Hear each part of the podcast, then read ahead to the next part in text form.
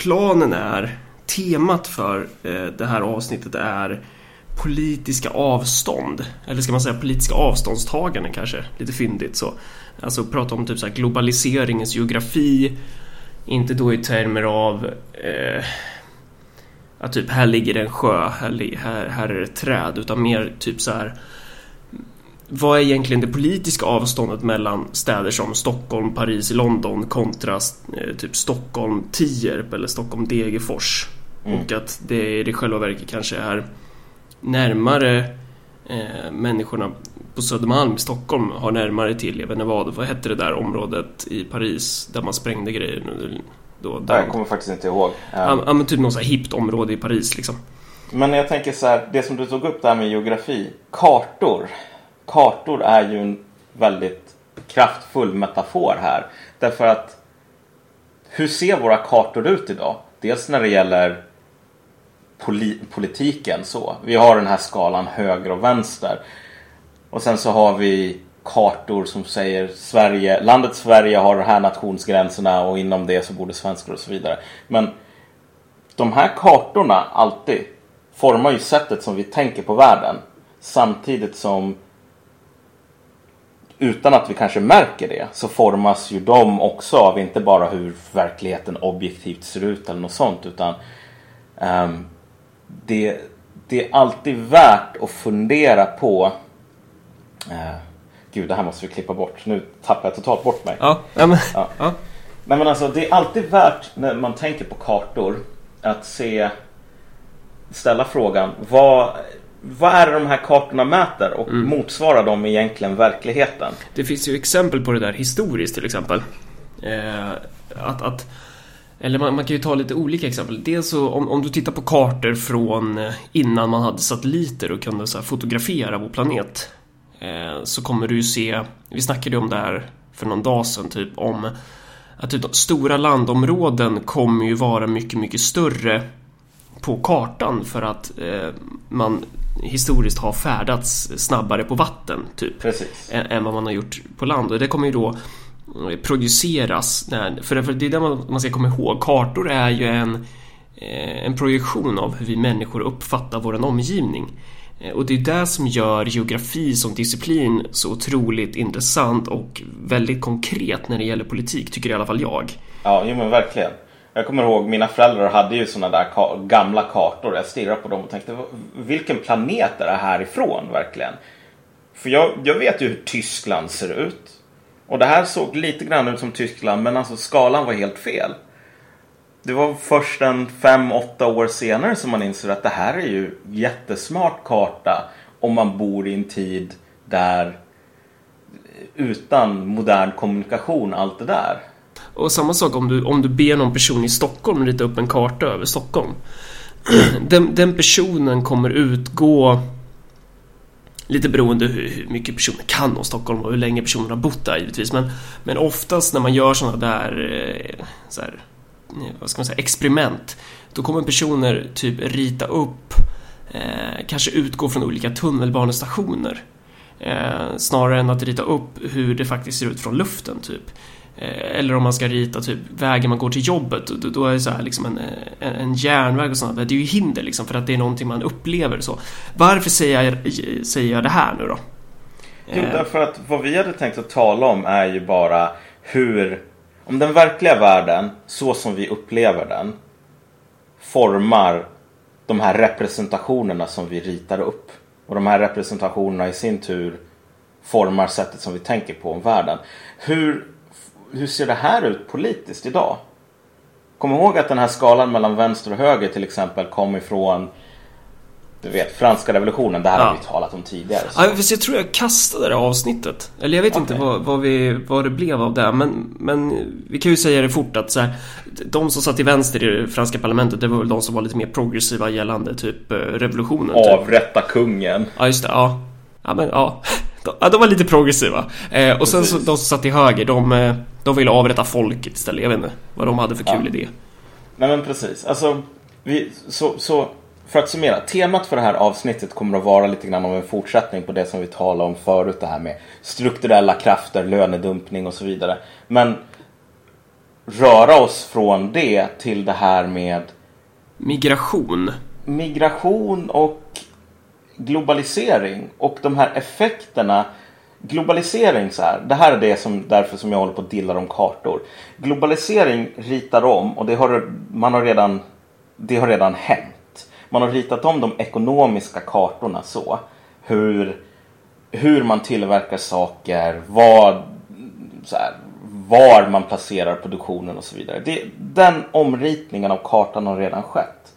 Men frågan är vad får det här för effekter på de politiska kartorna och hur vi ser på världen. Så. Innan vi går in på det så har jag skrivit eh, anteckning här. Moraliskt suspekta har jag skrivit. Det har ju varit lite eh, sura miner angående att du och jag, vad är det man säger? Eh, att vi håller på och talar till SD-väljare, så säger man va? Ja, nej, men precis. Det finns väl egentligen två, två ehm, stora, liksom två main lines of kritik eller vad man nu säger mot oss. Förutom att vi är jävligt keffa överlag. Den första är ju, åh de här människorna klagar för mycket på vänstern. Så. Och då, jag vet inte. Vi skulle kanske ha fler lyssnare om vi satt så här, åh gud, Moderaterna har sänkt skatten igen. Borgarna vill tjäna pengar. Så. Mo- Moderaterna är moderater. Ja. Herregud. inte, vi skulle skicka de människorna ett jävla grattiskort typ så. Det är väl för att vi är elaka men det är väl kul att det är någon politisk kraft i det här landet som gör sitt jävla jobb. Om det nu är borgarna så. Jag menar, det är inte deras jobb att vara vänster. Nej. Eller försvara Och den så. andra grejen är ju att vi att vi inte har de här, vad ska man säga, moraliska skygglapparna mot... Nej, det är inte så man uttrycker det. Man uttrycker det så här att det, det, det som är mindre uppiggande med vad vi gör är att vi håller på och flörtar med SD-väljare. Mm, flörtar Eller med SD. raggar SD-väljare eller försöker profilera oss mot mitten så att vi kan fånga SD-väljare eller försöker kompromissa med SD-väljare och så vidare. Det där är fan helt jävla sjukt hur, hur... Alltså det är så talande, det där, det där liksom stickprovet, det är ju verkligen såhär bara... Man har dragit en kniv in i den här politiska kroppen typ och där man drar ut utifrån det här stickprovet, det är ju verkligen ett perfekt sample på den här rötan som präglar det politiska etablissemanget och det politiska samtalet idag. Man skulle kunna göra ett helt avsnitt om just de där tankegångarna om så här. Åh, de här farliga SD-väljarna, alla de här människorna som man liksom man, man ser på människor som röstar på Sverigedemokraterna idag som om de är i sin essens eh, förlorade, som om de är orcher typ. Ja men alltså vet du vad? Låt mig vara, låt mig vara helt jävla ärlig här faktiskt. Kan vi illustrera en poäng här. Du och jag, om vi ville, om det här var det som vi var intresserade av och flörta med SD. Du och jag skulle kunna gå med i SD. Alltså, det, de, jag vet i alla fall att de verkligen skulle vilja ha dig och mig skulle väl vara lite så användbart som någon så här svart alibi eller något sånt. Men alltså vad, vad, vad som slår mig så, som så absurt med den här anklagelsen är bara att eller absurt, men den är väldigt avslöjande för en viss sorts världsbild. Så här, idén om att vi är intresserade av att tala med den här gruppen människor som man definierar som de här röst... Ja. De har spetälskan liksom. Precis. De, nej men de, de har... Man identifierar den här gruppen som vi håller på och raggar med eller vad det nu är. Genom att det här är människor som har gjort ett visst sorts val. Det här är människor som har valt att rösta på SD eller valt att tycka så här hemska saker. Och så ska vi hålla på och kompromissa med Ja, jag vet inte, som Cha- Chamberlain som försöker kompromissa med Hitler. Ni vet ju vad det ledde liksom. Nej men det blir hela det här Ja. och, och det är ett synsätt på människor som är på en och samma gång så vanligt att det är osynligt idag. Man tänker inte ens på att när du säger SD-väljare då, då delar du in människor efter moraliska personliga egenskaper så snarare än någon sorts strukturella. Så det är väldigt vanligt, ingen tänker på det. Men sen är det också ett synsätt som du och jag inte delar. Det är inte så vi tänker på människor. Eh, och det var ju inte som om, om du går tillbaks till så här 20-30-talet Tyskland. Och bara, det var ju inte folk som bara säger varför ska vi Socialdemokraterna ragga Arbetare folk, som... Ja, men, eh, som ja. röstar på fel parti. Ja. De, har ju, de har ju sålt ut sig själva liksom. Nej, man hade den här idén om att okej, okay, folk som röstar på högerpartiet, nästan bara alla de är höger. Okej, okay, de, fuck dem så här. Eller fuck dem som är Bourgeoisin. Det är nästan alla som röstar, alla de röstar på högerpartiet nästan. Men man säger fuck dem, inte för att de gör det här valet och röstar på högerpartiet. Man säger fuck dem för att de är bourgeoisin. Och de arbetarna som röstar på Hitler eller vad det nu är, det är inte som bara, nej, vi har en lite för exklusiv klubb, arbetarklassen, liksom sådär. För att bjuda in dem. Men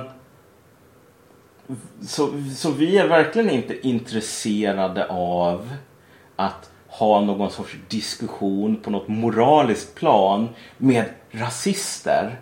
Där vi ska mötas i mitten och sen ska vi tumma lite grann på att vänstern har allra bäst, finast moral. Och de här människorna har sämst moral. Men du och jag ska försöka hitta någon gyllene medelväg med halvbra, lätt och lagom moral. Nej. Så den kritiken tycker jag alltid är um, talande och också ganska roande egentligen. Och anledningen till att vi tar upp det här är inte bara för att hålla på och tala om oss själva utan för att det här för oss in på av, ämnet för idag. Vilket är... Uh, ja, politiska avstånd. Vad är de här människorna om de inte uh. är SD-väljare? Mm. Vad ska vi kalla dem om vi inte ska kalla dem folk som bara definieras enbart utifrån olika val de har gjort att ha olika åsikter. I'm on the border of Bolivia, working for pennies, treated like a slave. The coca fields have to be ready. The spirit of my people is starving, broken and sweaty, dreaming about revolution, looking at my machete. But the workload is too heavy to rise up in arms. And if I ran away, I know they'd probably murder my moms. So I pray to Jesucristo when I go to the mission, process the cocaine paste and play my position. Okay, listen, while Valdez, just get me my product before we chop off your hands for workers' misconduct. I got the power to shoot a copper and not get charged. And it would be sad to see your family in front of a firing squad. So to feed your kids, I need these bricks. 40 tons in total, let me test it indeed. I shit, this is good. Pass me a tissue and don't worry about them. I paid off the official. Yo, it don't come as a challenge. I'm the son of some of the foulest, elected by my people. The only one on the ballot, born and bred to consort with feds. I laugh at fate and assassinate my predecessor to have his place in a third world fashion state. Lock the nation with 90% of the wealth and 10% of the population. A Central Intelligence Agency takes weight faithfully. The finest type of China, white and cocaine you'll see. Honey, I'm home. Never mind when your bank account suddenly grown. It's funny, we're so out of this debt for this money we owe with ya. When have I told you that I had two governments overthrown to keep our son enrolled in a private school and to keep our tummy swollen? Come on, our fucking home was built on a foundation of bloody throats, the hungry stolen of their souls. Of course, this country's running coke. I took a stunning oath to hush the ones who know. The CIA conducts the flow for these young hustlers that lust for dough. Eh, då ska vi prata lite om eh, ska man säga? World System Theory, typ. Imperialism. Mm. Eh, så här, den globala kapitalismen, alltså det, det produktionssystem som dominerar hela världen idag är ju inte ett, alltså på många sätt så är det ett homogent system och på många sätt är det ju inte det. Alltså det finns ju en global arbetsordning som, som eh, är ganska väl beskriven av väldigt många tänkare. Så man kan ju nämna Wallerstein, Harvey, Lenin. Eh, sen tror jag, jag tror jag läste någon som heter Coxwell eller någonting sånt där i statsvetenskap. Skitsamma. Eh, det, det här är ganska väl avtäckt liksom att det finns i i världsproduktionen, i världskapitalismen så, så, finns det liksom olika zoner eller vad man ska kalla det. Att du har dels kärnan, de här gamla typ eh, imperialistmakterna så, eller kolonialstaterna typ, där eh, industrialismen slog ut först. Eh, och, och där liksom den feodala ordningen omdanades alltså till kapitalism och sådär. Eh, det är liksom en kärna i, i själva systemet och sen så kan man gå längre och längre ut typ så man, man kan komma till en semiperiferi och sen till en periferi och det som karaktäriserar de här olika zonerna är ju vilken del av produktionen man sköter. Till exempel i periferin så är det gamla eh, koloniserade länder som, där man till exempel odlar råvaror. Eh, kanske tar ett land som eh, eh, Mali eller Bolivia eller någonting där man, där man producerar en viss slags råvara, Vi säger att man producerar eh, kaffebönor. Så, som man sedan kommer exportera eh, och så går det liksom längs med hela den här näringskedjan ända upp till kärnan då, då där man, så här, man, skördar, man skördar kaffebönorna i, i det här första landet i periferin och sen i det slutgiltiga landet i kärnan så har man liksom på den här vägen som har rostat kaffe, man har paketerat kaffe och sen så liksom manufakturerar man, man, man färdigställer produkten där. Eh, vilket betyder att så här, länderna i kärnan typ eh, kommer exportera eh, produkter som är väldigt mycket mer värda än de som länderna i periferin exporterar. Med andra ord, ett land som Bolivia som kanske har kaffebönor, exporterar kaffebönor, måste importera kaffe. Alltså det finns, det, det, är en arbetsordning som alltså gör att eh, på grund av den här arbetsordningen och på grund av vilken del produktionsprocessen eh, respektive eh, land eller zon producerar så kommer det vara olika värde som man eh, producerar och realiserar. Vilket betyder att värdet, eh, det kommer vara en, en, en snedfördelning av värde. Det kommer flyttas värde från periferin till kärnan hela tiden. Och det här är ju ingenting som är skrivet i sten utan det här förändras ju också över tid. Liksom. Att över tid så kommer ju kanske de här länderna som, som är kärna, de kommer ju också förändras allt det där. Eh, det är ju inte som vissa tror att det här kommer fortsätta i all oändlighet. Eh, eller som liberaler tror att man kan uppnå en harmoni inom det här systemet. Så. Det som man måste påpeka här när, när vi tar upp det här med kaffe och liknande med kaffebönder som håller på att svälta ihjäl eller dör av nervgifter och liknande. Um, för att det är dyrt med skyddsutrustning för besprutning och liknande folk som den här sortens fina liberal eller hippa vänster som köper Fairtrade-kaffe. Det finns nästan alltid ett antagande om att jo men vet du vad, du bara är så här.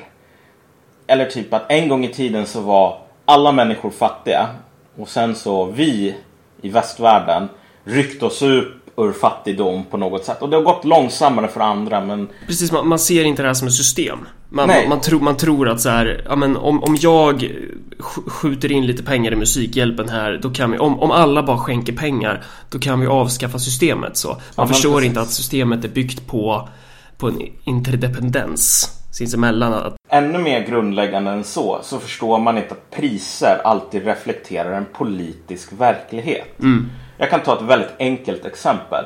Ponera att Ryssland skulle invadera Örebro. Mm. Och så skulle man säga så här. Från och med nu ska ni jobba med att bryta uran. Mm. Och vi kommer att betala er 5 kronor i timmen. Och sätta massor med beväpnade vakter utanför gruvan. Så om ni inte jobbar kommer vi att skjuta er. Om någon ryss säger i Ryssland, i Moskva, säger Åh oh, gud vad trevligt. I, vad, vad synd det är om de här svenska gruvarbetarna som inte tjänar nog med pengar men någon gång kanske de kommer att gå in i moderniteten igen. Det vore ju löjligt. Jag menar, det är ju självklart så hänger det ihop att det står beväpnade vakter utanför gruvan som kommer att skjuta dig om du försöker gå eller inte jobba. Med att du får fem kronor i timmen. Det är inte, det är inte två helt olika löskopplade saker. Nej, så. Det, det är ett system. Eh, och i det här systemet så... Hur ska man, hur ska man göra övergången liksom? Att det, fenomenet kan vi kalla globalisering liksom. Att... Ja, eller det, det, det, som, det fenomenet som vi har idag som ja. skiljer, skiljer sig från den här gamla goda tidens kolonialism. Ja. Är där, för att ta väldigt schematisk uppläggning, så hade du i Storbritannien och på lite andra ställen hade du människor med rösträtt och sen så hade du det brittiska imperiet med tre, fyra gånger fler människor som inte hade rösträtt. Och hela tiden successivt så flyttade du över resurser från de som inte hade rösträtt till de som hade det. Till den arbetarklassen i kärnan. Som sen, eftersom de hade rösträtt och i alla fall rent teoretiskt kunde bestämma sig för att avskaffa det brittiska imperiet om de inte tyckte om det. Så gjorde man den här bedömningen att det är ganska viktigt att de här människorna tycker om det. Så att det var inte bara, det var därför som man flyttade över, det var därför man behövde de här, den här arbetarklassen så. Idag har du det här problemet med att ta avfolkningsorter som Cleveland, eh, liksom sådana här postapokalyptiska hellscapes som Detroit. Eller massor med sådana städer i Sverige. De människorna som bodde där eh, och som bor där. En gång i tiden så hade de en nisch. En användbar ekonomisk nisch i mm. systemet mm. som fanns. De var nödvändiga för produktionen liksom. Ja men precis. Det var de som typ så här rostade det här kaffet eller paketerade det på Gevalefabriken i Gävle. Som, ja. som deras klassfränder eh, i Bolivia hade skördat så. Ja det var så som arbetsdelningen såg ut. Ja. Idag, de här människorna behövs inte för fem öre. Um, och vad som det här leder till är att om vi kunde verkligen förenklat säga att för en 80 år sedan när imper, liksom Europas kolonialvälden fortfarande hade något som helst liv. Um, så kunde du göra en uppdelning där du hade, okej, okay, du hade fattiga och rika i England. Och så hade du fattiga och rika i Indien. Men det var väldigt stora skillnader på... De, de fattiga England var fortfarande en annan sorts mm. än de riktigt fattiga i Indien. Det här var människor som subventionerades och som behövdes på ett annat sätt. Så. Mm. Idag, du, du kunde fortfarande tala om typ nationer så som någon sorts enhet av folk på ett sätt som var inte väldigt förenklande och på många sätt väldigt fel. Men ändå, det fanns en kärna av sanning i det. Idag så sker det här skiftet att du har fattiga och rika. Och klasserna av riktigt fattiga och riktigt rika, båda de blir internationella. Um, och vi kan ta ett exempel här. Typ. Uh, i, ja. Ja men om du tänker dig så här gästarbetare och liknande i Sydostasien och så vidare. Folk från Filippinerna, det är mycket från Filippinerna, Indonesien. Ja men vi tar typ, vi tar typ en bondefamilj i Mali. Eh, ja. Vars land har precis landgrabbats av något företag som ska, jag vet inte vad, de har typ kört upp vattenreserverna på den här marken och de ska typ ja, göra eh, Coca-Cola och skiten, jag vet inte fan någonting sånt kreativt, eh, entreprenörskapsmässigt som skapar tillväxt. Eh, så de här människorna, för, för dem Eh, eller vi kan ta ett annat exempel, typ vaktmästaren som jobbade i den fastigheten som vi bodde i i Mali när jag var där och utformade presidentvalskampanjen för Omar Mariko. Han, jag tror han tjänade runt 300 kronor i månaden. Eh, alltså om, om han hade jobbat eh, på så här riktigt pissig, men riktigt pissig anställning här i Sverige. Typ som städare och typ jag vet inte vad. Han hade ju varit skitglad om han hade fått typ 5000 i månaden för att stå där och liksom putsa en toalett med eh, klor typ eller någon skit. Eh, och det, det, är ju det här. Det, alltså att det, det har blivit sån jävla skiktning mellan inbördes i arbetarklassen internationellt liksom. Att, mm. så här, människor från, alltså de riktigt, riktigt fattiga, de har blivit internationaliserade. Eh, som tvingas fly från sina länder av olika orsaker. Eh, varav det kanske inte alltid underlättar att man håller på och säljer krig eller säljer vapen till massa krigsförande stater och sånt där. Eh, och, och de kan ju lika gärna utföra arbetsuppgifter i, i eh, västvärlden hos västvärldens företag som den här eh, inhemska arbetarklassen tidigare gjorde. Bara det att de gör det till väldigt, väldigt mycket billigare pris. Och då kommer vi in på det här med lönedumpning och sånt som vi pratade om tidigare. Ja, ja men typ ta USA och Mexiko. Debatten kring, debatten kring illegal invandring och liknande tycker jag är så fasansfullt intressant. Därför att alla de här, om du ser till var pengarna kommer ifrån för att stödja vi ska, vi, självklart, vi måste vara män, vi måste vara goda medmänniskor och så vidare. Alltså det är ganska mycket så här stor agribusiness och liknande. Som helt plötsligt kommer på att det är jätteviktigt att vara goda medmänniskor. Det finns en, det finns en målgrupp för den sortens budskap som säger att oh, men, det här med illegal invandring, det enda som det handlar om det är att det finns dumma vita rasister som tycker, som tycker dumma saker. Sen finns det vi, alla vi andra som är goda. Och ska vi vara goda då måste vi vara givmilda och så vidare. Men de här människorna som invandrar från Mexiko gör det två skäl. Dels för att stora delar av Mexiko håller på att förstöras, faller ihop. Och det är till stor del med hjälp av sådana här avtal som NAFTA och liknande som ledde till det. Men sen också så här att de här människorna när de väl kommer till USA jättebra som trädgårdsmästare och betjänter och jordgubbsplockare och allting sånt åt människor som har det jävligt bra. Så att, vad ska man säga?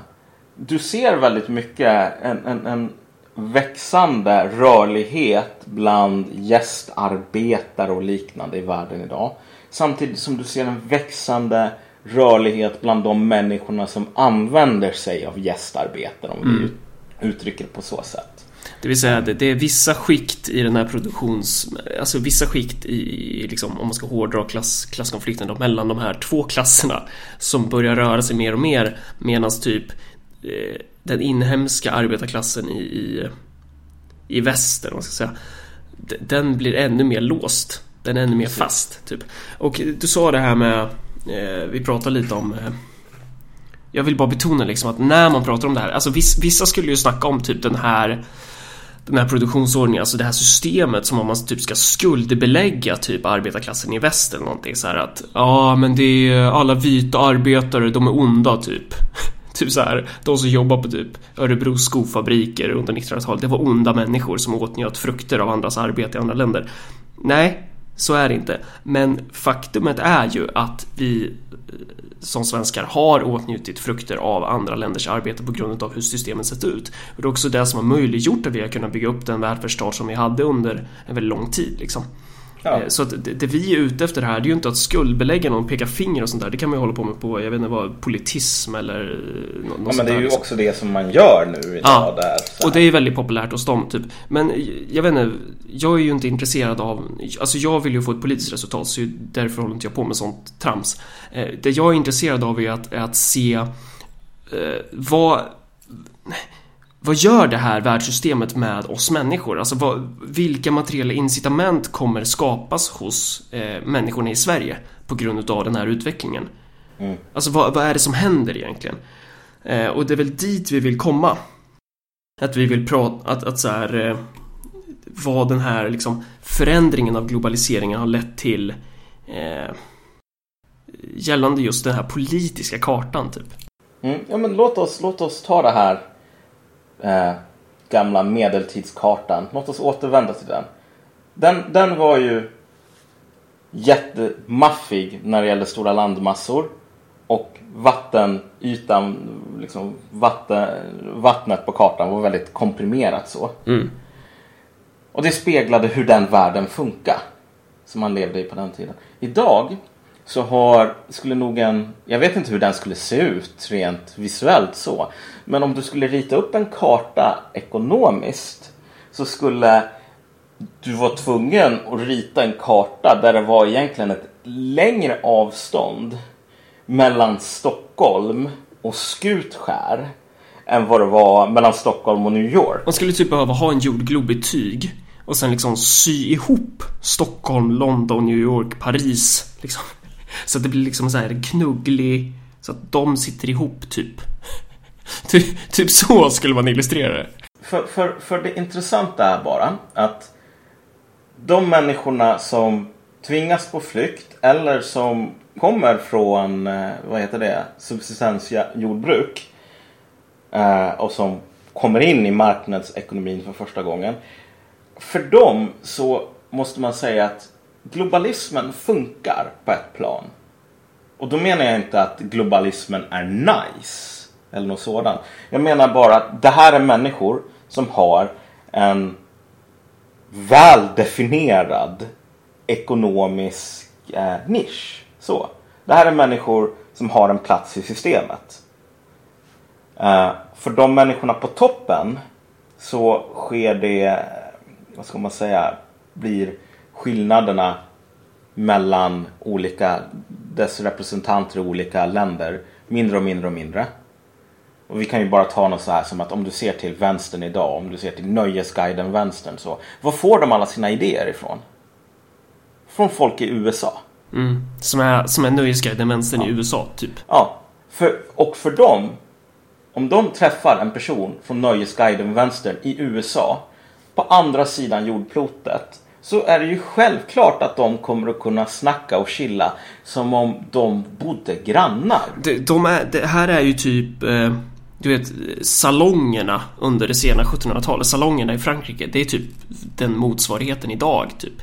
Att det här är där man liksom träffas, så som typ aristokraterna träffades i salongerna liksom. Ja men precis. Ja, nej men alltså och så här adeln på den tiden. Den var ju inte tysk eller fransk eller något sådant. Den var adel. Punkt. Det var ju därför som... Det var en enda familj. Boks, bokstavligen. Ja, verkligen ofta bok, bokstavligt. Det fanns inte liksom, eller på ett plan, ja, fanns det väl fransk adel och tysk adel och så vidare. Men mest så fanns det bara adel. Mm. Och det, det är intressant att se hur du ser mer eller mindre samma process idag. Ja.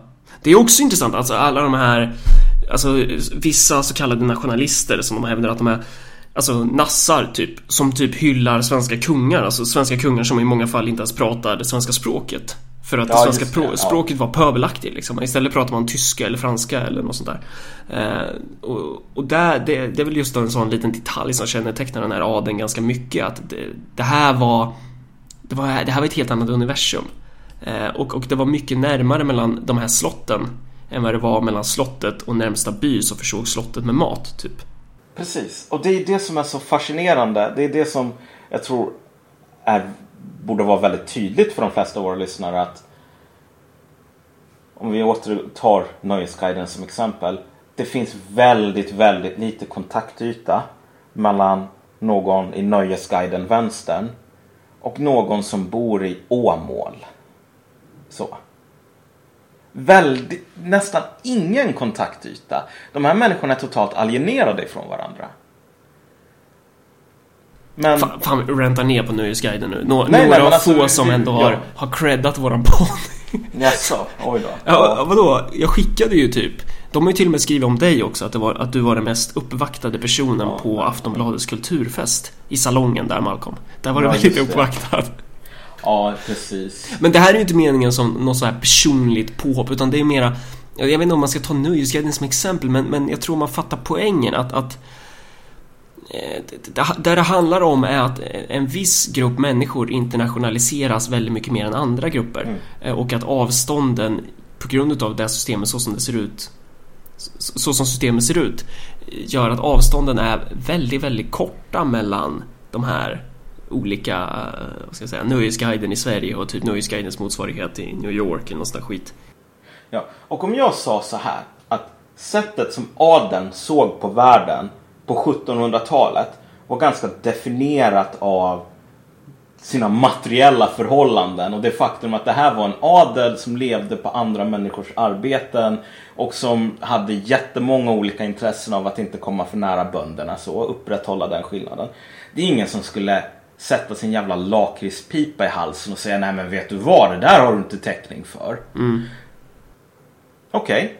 men ponera att jag istället insinuerar att den här jättestora klyftan mellan tyckare och tänkare och stora delar av vänstern idag och de här människorna som man inte har något annat sätt att tänka på än som SD-väljare. Exakt. Folk som har valt att vara dåliga ja. och dumma.